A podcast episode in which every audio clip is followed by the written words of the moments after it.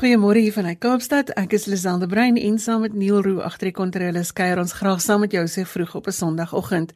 Word rustig saam met ons wakker terwyl ons hoor hoe en waar gelowiges inspirasie vind. Vanoggend hoor ons van Dr Stefan Joubert. Ons gesels oor wat om te doen as jou raamwerk van omgee nie meer werk nie. Dominee Erik Swanepoel kom vertel van sy ervarings in Indië en Dr Frederik Maree gesels met ons oor hoop as 'n pelgrimsreis. En ons gaan ook ons program afsluit met Dominee Gerrie Ben van der Merwe wat ons inspireer met sy kruispad stories. Ons hoop jy kuier heerlik saam met ons vanoggend. Trek nader jou koffie.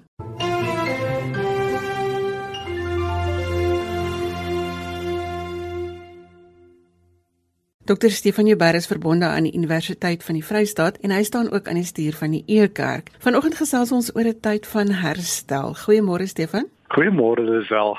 Stefan, ons is almal foos. Uh, ons is oor dit, oor hierdie hele COVID ding. Ek en jy het vooraf gesels en alhoewel ons nog gesond is, waarvan ons oneindig dankbaar is, gaan mense om ons dood en is ons raamwerk van ondersteuning net eenvoudig stikkend.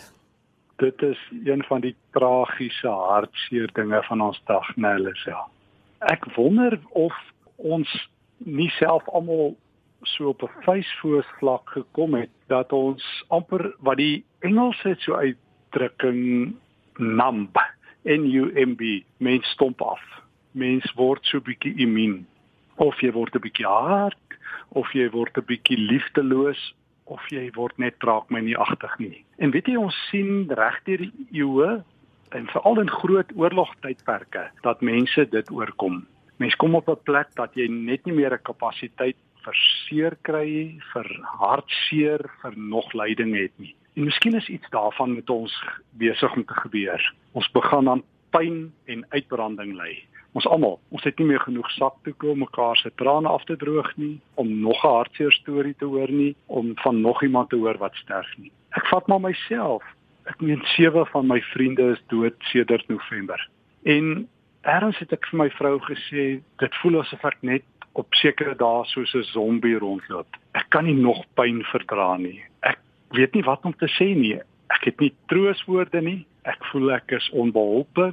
Ek voel as ek gaan slaap laat ek baie oggende wakker word en opstaan en sê, "Sjoe, nog 'n dag lê voor my." So, vir 'n begin wil ek graag sê dit is ook normaal om so te voel. Dit is wat baie pyn aan mens maak. Die beter vraag is, hoe maak ek hiermee? Hoe deel ek hiermee? Hoe word ek nie net 'n tipe mens wat net op outomaties voortgaan nie? In die motor kan ons baie keer ons sekere motors so stel dat dit self ry.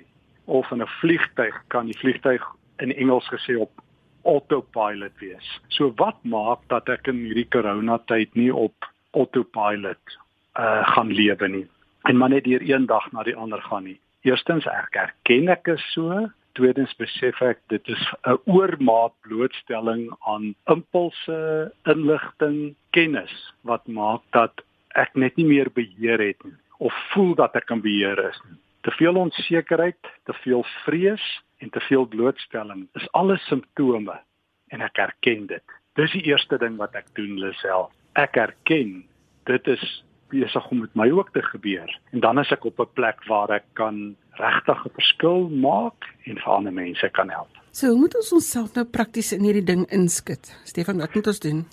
Dis wel baie goeie vraag. Ek sê vir myself, ek is hier vir ander mense. Ek is nie nou net op selfoorlewing ingestel nie. Ek is hier om 'n hart te hê om goed te wees teenoor myself en goed te doen aan ander. Jy weet ek dink altyd aan die groot Europese filosoof uh, Emmanuel Levinas. Hy was deur die Tweede Wêreldoorlog, hy was in aanhouding, al sy familie is dood en hy het na die Tweede Wêreldoorlog het, het hy gesê, "Hoe kom ons tot genesing?" En hy het gesê dit gaan oor die ander en wie ek die ander met 'n hoofletter sien. En hy het teruggegaan na Genesis 4 toe. En hy het gesê die grootste vraag van waarmee die Bybel eintlik begin, is die vraag wat God in Genesis 4 vers 9 vir uh Kain vra. En die vraag is: "Waar is jou broer?"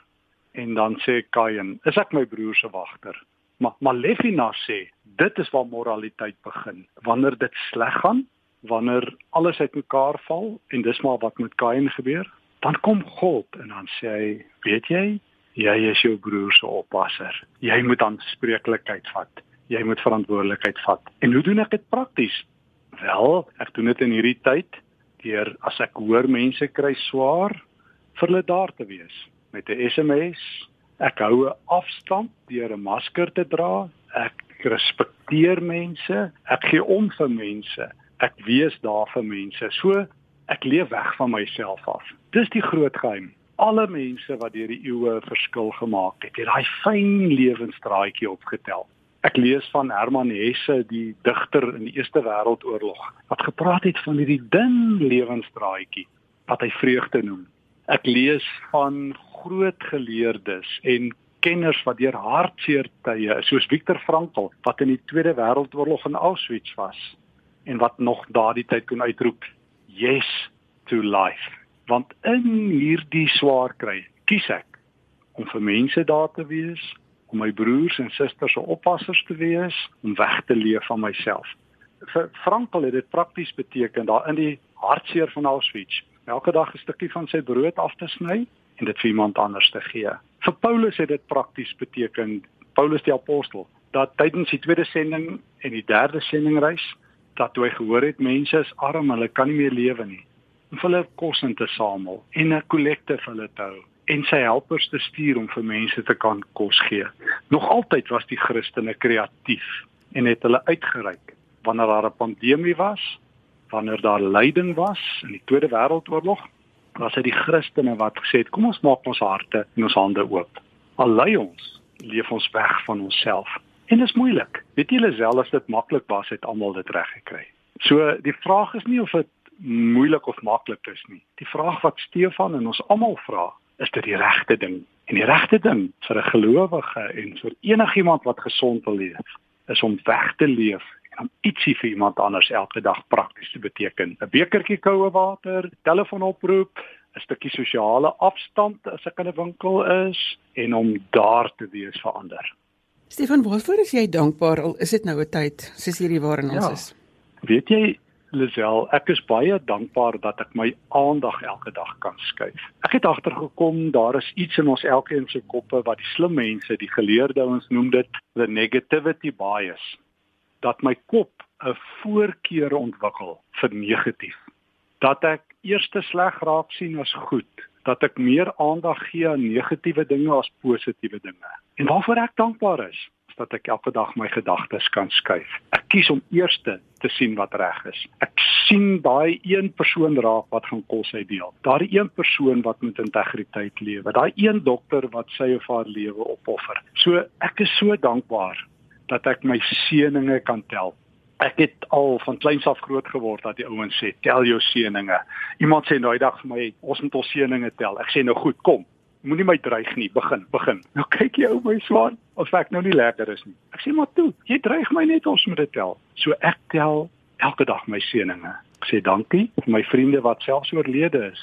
Ek het nog 'n getuienis oor hulle lewe, oor my vriende wat herstel het, oor die stukkie brood wat ek eet. Ek tel dit en ek vier dit en ek probeer die verskil wees 'n lewe van dankbaarheid. So ek probeer nie 'n lewende dreigement wees nie. Ag, ek sê altyd, ek wil nie eendag doodgaan en dan is my grafopskrif hier lê 'n dreigement. Hy wou nog en toe sy dood.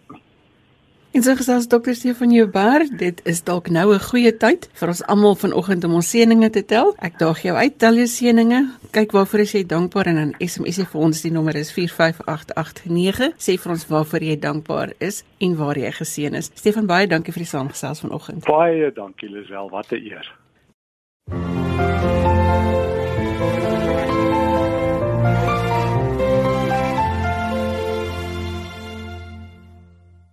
Jy luister na RSG en die program is Sondagjoernaal saam met Liselde Bruin. Ons gaste se kontakbesonderhede is op RSG se webwerf en dit is ook op Sondagjoernaal se Facebookblad. Die webwerfbesonderhede is rsg.co.za. Ons gesels geloof en godsdiens hier op RSG 100 tot 104 FM en ons hoor ook graag van jou. So stuur vir ons 'n SMS. Die nommer is 45889 en dit gaan jou R1.50 per SMS kos. Mm -hmm.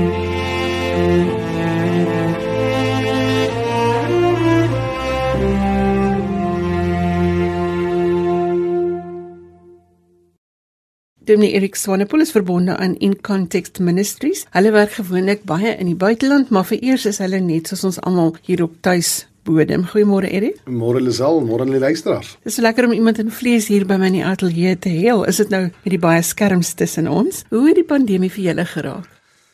Vir julle sel uh ja, daar's niemand wat nie geraak is deur die pandemie nie. Ons bediening uh, ondersteun so bietjie meer as 50 sendelinge in die buiteland, hoofsaaklik die Midde-Ooste en of Asië. En wat 'n ou doen is om gereeld maar hierdie sendelinge te besoek om die vraag dan nou daar te vra, wat is die Here besig in die seisoen waarin ons leef? Wat doen hy? En saam met dit die ouens bietjie te motiveer en te ondersteun terug te kom Suid-Afrika toe en dan deur die kerk genooi te word om vir ons te vra, deel met ons wat gebeur daar. En soos wat jy nou weet, lockdown het gemaak dat ons almal by die huis moet bly. So dit is regtig ons uitdaging. Ons juk om weer op die vliegtuig te kan klim. Saam met dit wat wat die pandemie teweeggebring het binne in ons bediening en ek dink baie mense in die kerk sal daarmee saamstem. Kerke is op lockdown. So afgesien van die feit dat ons nie noodwendig kan reis nie, gebeur dit ook baie baie minder dat gemeentes ons nooi want dit was oor Zoom en mense is gegee nou maar die Engels Zoom fatigue. So uh, ons is regtig geaffekteer op daai maniere en dan ook finansies. Baie baie van ons ondersteuners as gevolg van die COVID-19 het finansiële uitdagings en dit gebeur dat mense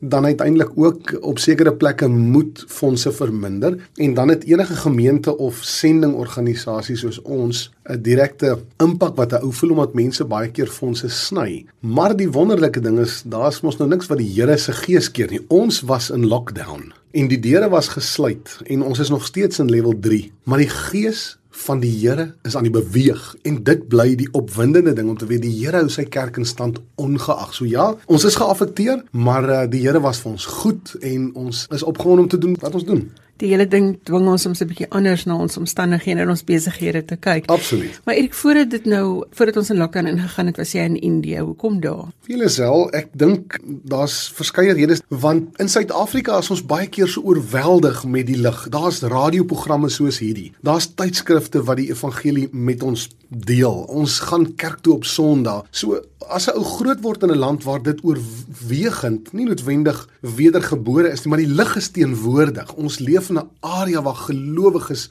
werk. Ra raak die lig vir ons eintlik so normaal dat hy sy krag in 'n sekere sin sou kon verloor. Dit raak net normaal. Maar as jy in 'n land in, in in soos in Indië instap waar jy waarskynlik tussen 1.5 en 2.5% Christene het in 'n land van 1.8 miljard mense, is die geestelike oorheersing donkerte so oorheersend dat jy as dit ware terugkom Suid-Afrika toe en jy besef net weer die voorreg wat jy het om die Here Jesus te mag ken as jou persoonlike saligmaker en verlosser. So voor ons gegaan het het mense gevra, "Die nood is so baie in Suid-Afrika. Hoekom gaan julle die hele tyd na hierdie tipe lande toe?" Ek dink eerstens omdat ons 'n roeping het. Die die skrif sê vir ons alle nasies, alle tale. Dit sluit ons eie tale in Suid-Afrika en nasies ook in maar, dis 'n en en. En dan tweedens as gevolg van ons roeping um, en ek dink as gevolg die verdere punt ons die mense wat saam met 'n ou gaan net om te sê raak net bewus van die geestelike realiteit, die onsigbare wêreld waar binne ons leef. En as jy in 'n plek soos Indië instap, dan ewe skielik gaan die gordyne vir jou oop en jy besef net weer die lewe bestaan nie uit geld maak, vakansie hou, 'n nuwe kar, 'n nuwe strandhuis. Daar is 'n geestelike realiteit waar ons moet die koninkryk soek. So, ja. Wat is dit wat jy in Indië gekry het?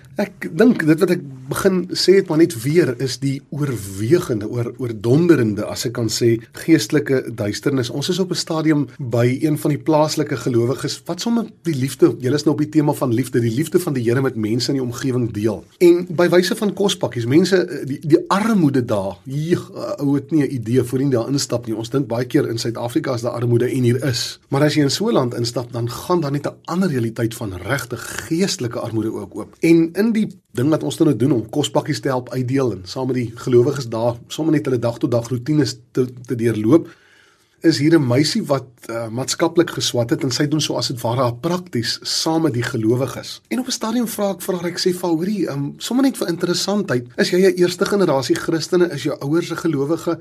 Watse kerk skakel jy by in?" En sy sê "Nee, ek is glad nie 'n gelowige nie. Ek behoort aan die geloof van hierdie land, die oorwegende geloof." En ek is toe stom geslaan. Hoe werk dit dat sy saam met ons rondbeweeg? En ek sê toe vir weer vir interessantheid, wanneer het jy vir die heel eerste keer in jou lewe van Jesus gehoor? Ek is net nuuskierig om te weet hoe werk hulle in en sy sê I've never in my entire life heard about Jesus until 6 months ago.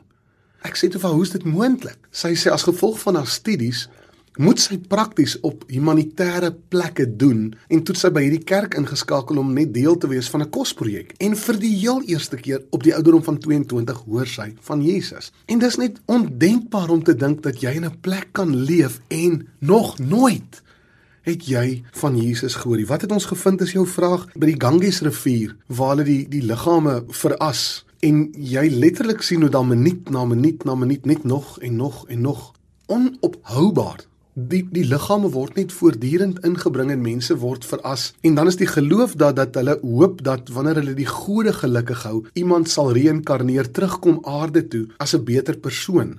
Um dalk 'n laaste voorbeeld op hierdie punt. Ons ons staan op 'n stadium net langs die een rivier wat dan nou vir hulle heilig is en mense gaan soontoe.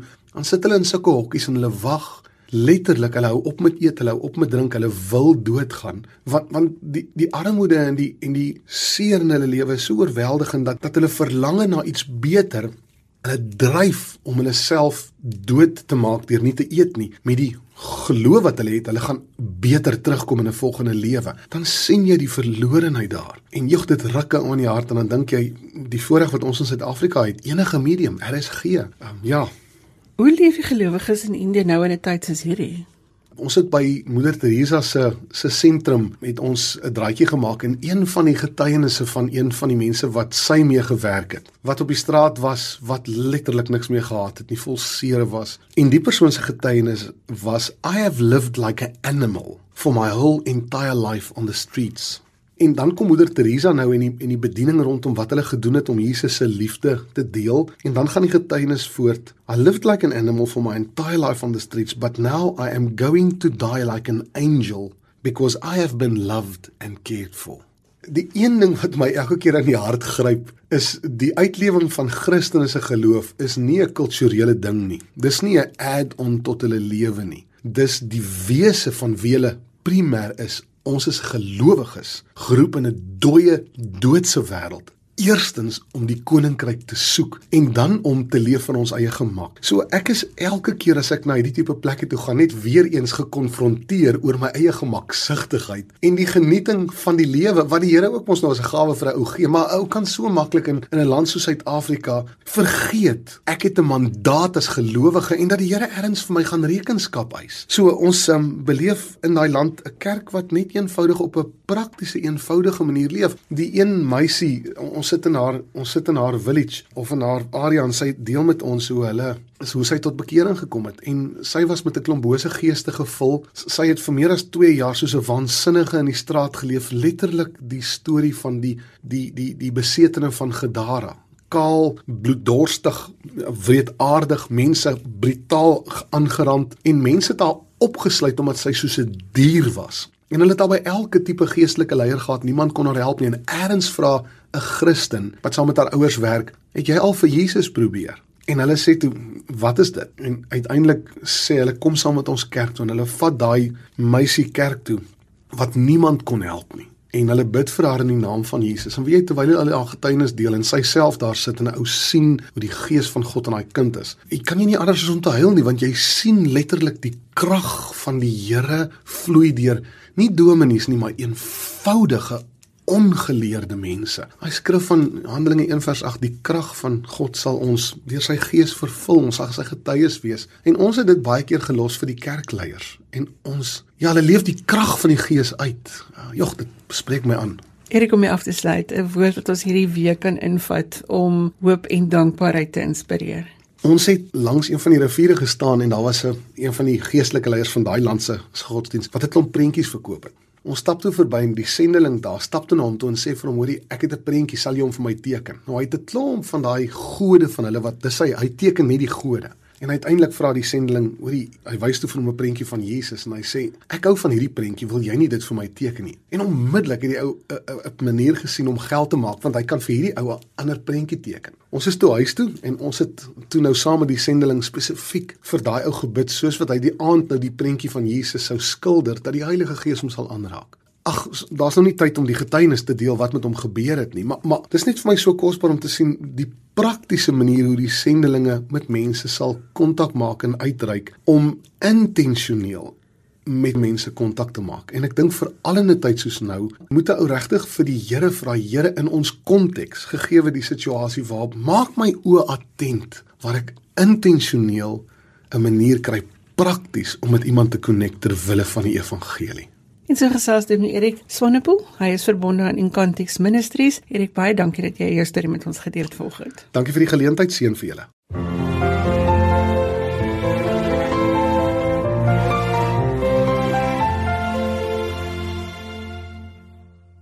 Nog 'n herinnering om dankbaar te wees vir die godsdienstvryheid wat ons hier in Suid-Afrika het, vir bewustelik lewe en ook om vir iemand lief te wees en om te gee want dit verander iemand se lewe. Wat weet ons waarvoor is jy dankbaar? Die SMS nommer is 45889. Dr. Frederik Maree is verbonde aan die Kweekskool op Stellenbosch waar hy verantwoordelik is vir die teologiese opleiding van die NG Kerk studente. Maar hy is ook 'n pelgrim in sy hart en net soos die staproetes het sy geloofspad hom ook al by verskeie bakens uitgebring. Ons twee gesels vanoggend oor die baken van hoop. Goeiemôre Frederik. Goeiemôre Lisel. Wat het jy in 2020 geleer van hoe mense hoopvol bly? Lisel, ek kan maar die beste net oor myself praat. Dit was 'n ontsettende leersame jaar waarin ek dink ons ek geleer het dat hoe ek gedink het oor die lewe en selfs oor die toekoms nie meer heeltemal werk nie. En dit maak 'n mens natuurlik baie bekommerd. Jy jy begin voel asof die lewe uitmekaar uitval. En uh, wat doen jy dan nou? Hoe, hoe hanteer jy jouself? Veral wat maak jy met jou angs? So wat ek geleer het eintlik maar met hindsight en as jy terugkyk dan sien mense dat dit ons beter raak is. Ek kry nie hoop of dit gaan nie met my beter as ek TV kyk of ek boeke lees of ek op sosiale media rondkyk. Dit help daar's natuurlik insigte wat wat 'n mens help. Maar die eintlike ding wat my help is as ek werk aan die bou van my innerlike krag. Ons gelowiges sal sê as ek werk aan my geloof en my hoop.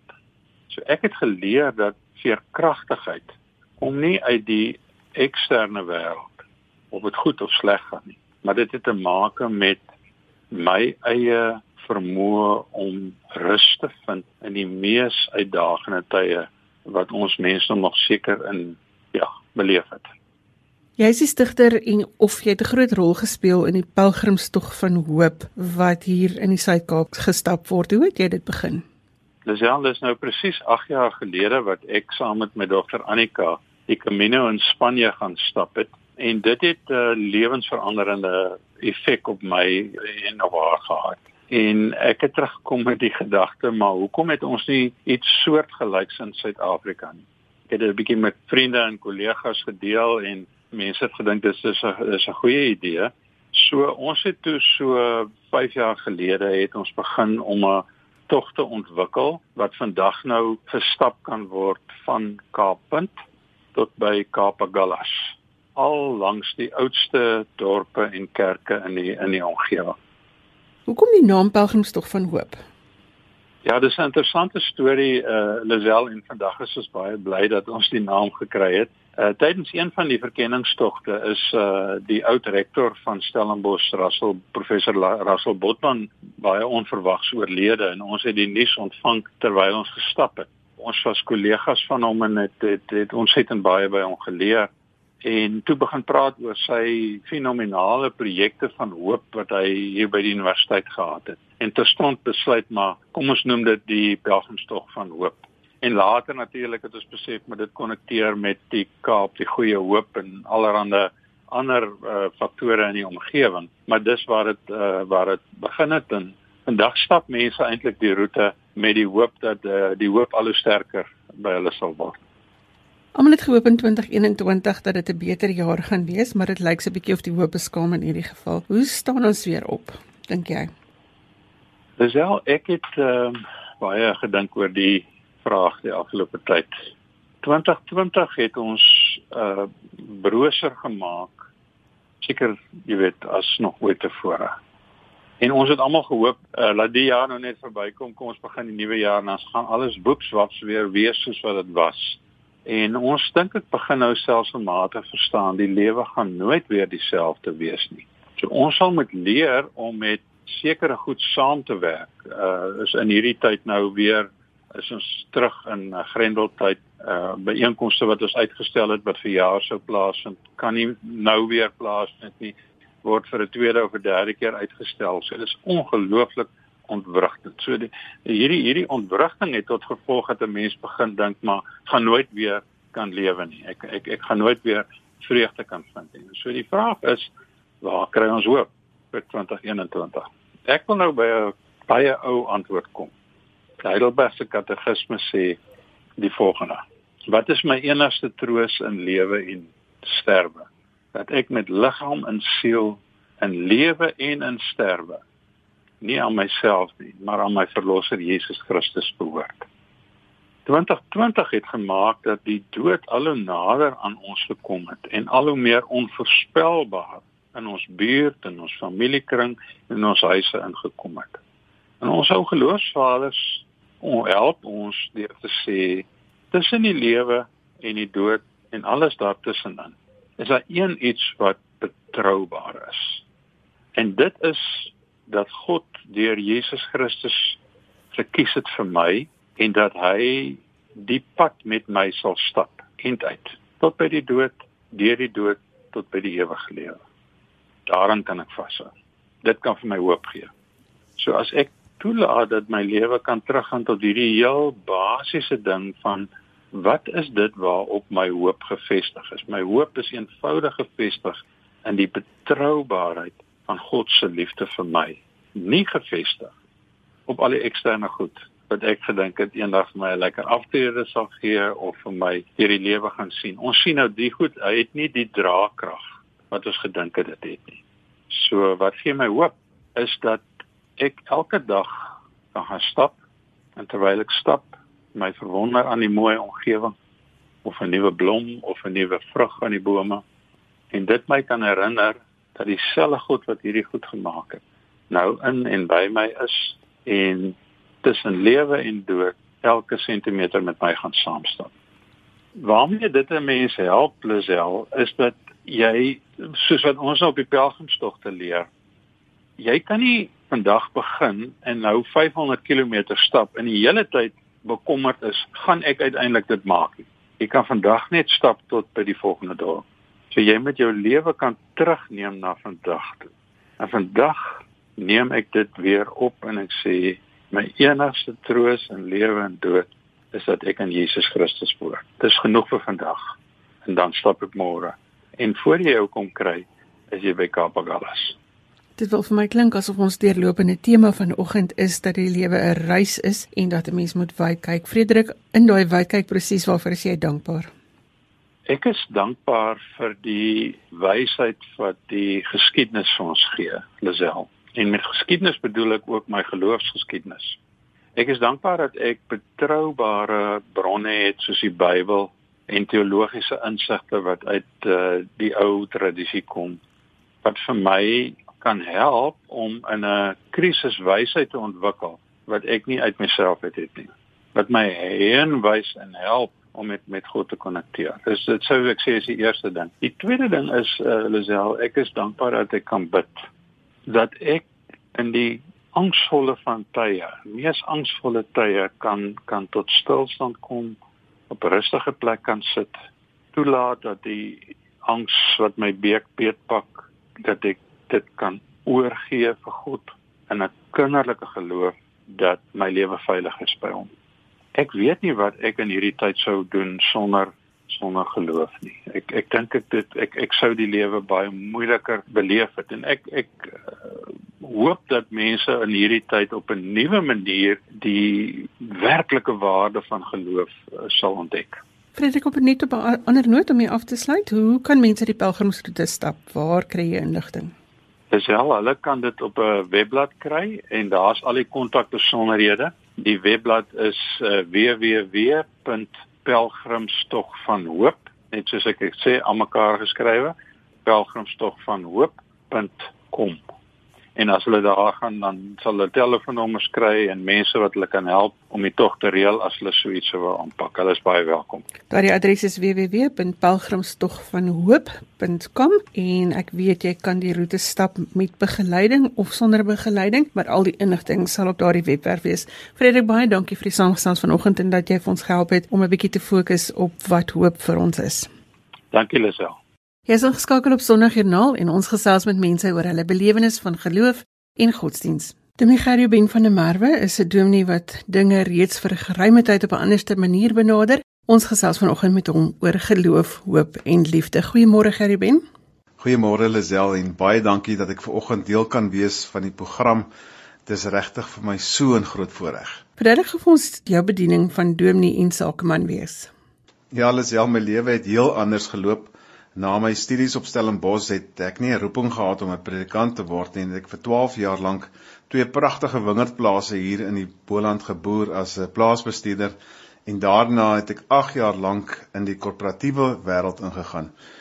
Ek het eers later besef dat die Here juis met my in daai stadium van my lewe met my besig was en vir my so half in-house training gegee het om te weet waartoe gaan ouens wat in die besigheidswêreld is en waartoe gaan boere.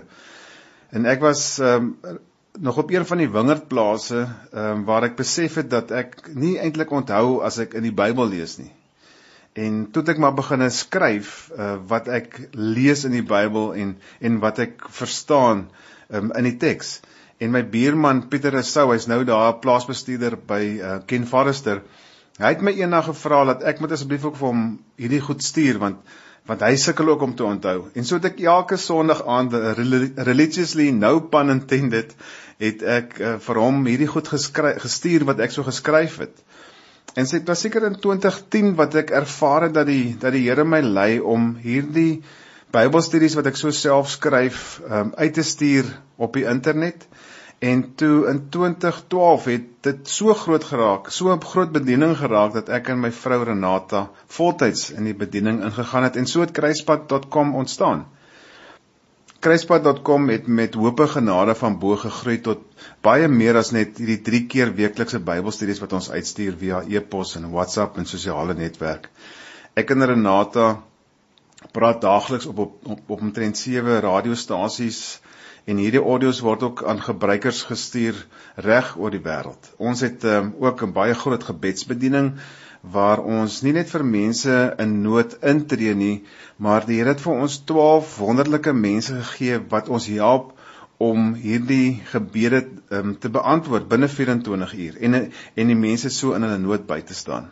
Johan later net 'n hele paar jaar gelede ook by ons aangesluit en as depressievegter is hy geroepe om veral met die mense met um, depressie te praat en hulle te help om uit die gat uit te klim.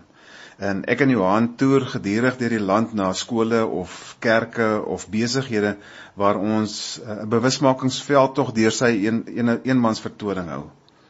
En met die Grendeltyd het ons ook Sondag begin met die aanlyn eredienste. Ja, Juliesel, dit is uh dis nogal baie harde werk om 'n professionele diens staan te maak. Maar weet jy, ek kla nie. Dit is vir my so 'n moviese voorreg om om God se woord in vandag se woorde te bring. En dit is ook ons visie is om om God se woord in vandag se woorde te bring op watter platform ook al. Dit's amper vergeet ek, ons het uh, ook 'n bediening met die naam van Roadtrip 247, roadtrip247.com wat spesifiek gemik is op die 14 tot 24 jariges en ons stuur elke dag via WhatsApp vir hulle 'n dagstukkie. Ehm um, en so teen die einde van die week dan gooi ons vir hulle 'n video of iets wat beweeg. Ehm um, so ja, alles ja, ons is is so effe anders, maar eintlik nog 'n kerk net op ander golwe, op die internet en die en die selfoongolwe. Om aanlyn teenwoordig te wees was vir baie lank vir mense iets abstrak. Hoe het jy dit ervaar? Lisel my my mond hang oop om te sien hoe vinnig die mense daar buite aangepas het uh, by die internet. 60% van ons gebruikers dis tussen 40 en 60 en so 30% is bo 60 en en hierdie persentasie bo 60 is aan die groei. Um, en ek dink is veral die grendeltyd wat die mense gedwing het om om om aanlyn te gaan. Maar is veral met die berading gedeelte van ons bediening waar mense gou leer om die ding aanlyn te kan doen. Daar is soveel nood daar buite en en mense het nie meer 'n verhouding met 'n geestelike leier nie. Uh, nou het nou het die ou 'n probleem. Sy besigheid is besig om te vou of of een van die eggenote het oor die grense van die van die huwelik gebeur of of dalk het die vrou nou gehoor sy het borskanker en wat nou? Nou wie toe kan hulle nou gaan? En nou het ons al so 'n verhouding opgebou met die Bybelstudies wat ons uitstuur of die dagstukke wat ons uitstuur of die klankgrepe en daar dan ontstaan daar 'n verhouding en nou kan die mense maklik na ons toe kom. En dit is ook veilig daar in hulle eie huis of hulle kantoor se privaatheid om om ons te skakel via WhatsApp of e-pos of Zoom of Skype of noem maar op. Ons is daar om om met die mense te gesels. Ek moet sê die dat die internet dit baie makliker gemaak het en mense is besig om al hoe meer op hierdie platforms te spring vir raad uh, vir geestelike leiding. So ja, die mense is is besig om gewoond te raak aan aan hierdie aan hierdie internet ding. Wat gee vir jou hoop? Verseker God, Lisel.